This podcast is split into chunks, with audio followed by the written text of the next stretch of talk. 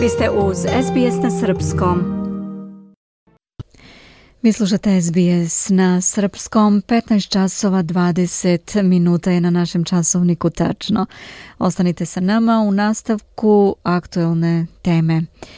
Bivši premijer Australije Malcolm Turnbull svedočio je pred Kraljevskom komisijom koja istražuje detalje vezane za aferu Robodebt. On je članovima komisije rekao da je dok je bio na funkciji premijera, verovao da je program naplate duga bio legalan. Gospodin Turnbull je također rekao da je izrazio svoju zabrinutost u vezi sa tim programom koji je kasnije proglašen nezakonitim, pišu Peggy Giacomolos i Stefan Ambruster za SBS News. Juče je počela posljednja nedelja saslušavanja pred Kraljevskom komisijom, a kao prvi svedok juče pojavio se bivši premijer Malcolm Turnbull. On kaže da nikada nije sumnjao u zakonitost programa jer je predlog prvobitno predstavljen kabinetu uz uveravanja da ne zahteva nikakvu promenu zakona. Također kaže da je postavio pitanje da li su službenici ministarstva odgovornog za nadzor programa RoboDept svom ministru davali tačne informacije o svom radu. Očigledno je osnovna dužnost vlade i ministara da se pridržavaju zakona. Dakle, ako bi se postavilo pitanje nezakonitosti u bilo kojoj oblasti vladinih poslova, to bi bilo potrebno rešiti, rekao je Turnbull. Komisija ispituje kako je u okviru programa RoboDept nezakonito vraćeno u budžet skoro milijardu dolara od više od 380.000 ljudi. Svedoci su rekli pred komisijom da veruju da su obaveštenja o dugovima koja su poslata klijentima doprinela brojnim samoubistvima ljudi. Gospodin Turnbull je bio premijer u zamahu programa za povraćaj dugova koji je sprovođen od 2015. do 2019. i u okviru kojeg se koristio prosek prihoda iz podataka Poreske uprave za izračunavanje i podizanje visine navodnih dugovanja klijenata. Nakon negativnih medijskih izveštaja o netačnim podacima dugovanja u januar 2017 kako je gospodin Turnbull rekao komisiji, On je pozvao tadašnjeg ministra za usluge građanima Alana Tadža da izvrši procenu onoga šta se dešavalo.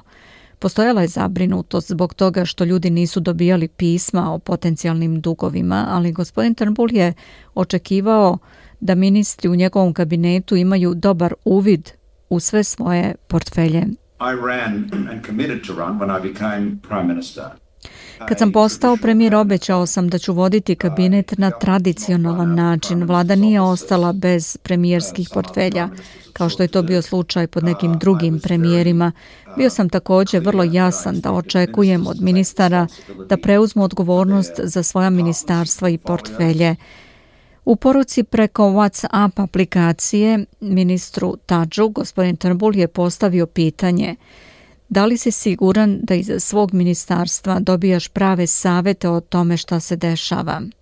Gospodin Trbol je rekao da gospodina Tadža smatra tehnokratom koji ima mnogo iskustva i ne smatra ga nemarnim ili nekompetentnim ili ministrom koji zapostavlja probleme. Gospodin Trbul kaže da je tražio uveravanje od gospodina Tadža da su njegove medijske izjave tačne u vezi sa zabrinutošću koja je vladala zbog programa. Moja briga je u suštini bila tačnost i pravičnost. To je bila moja i briga moje kancelarije. Nismo se okrenuli od legalnosti i zakonitosti, jer smo pretpostavili da je to način na koji je problem bio predstavljen.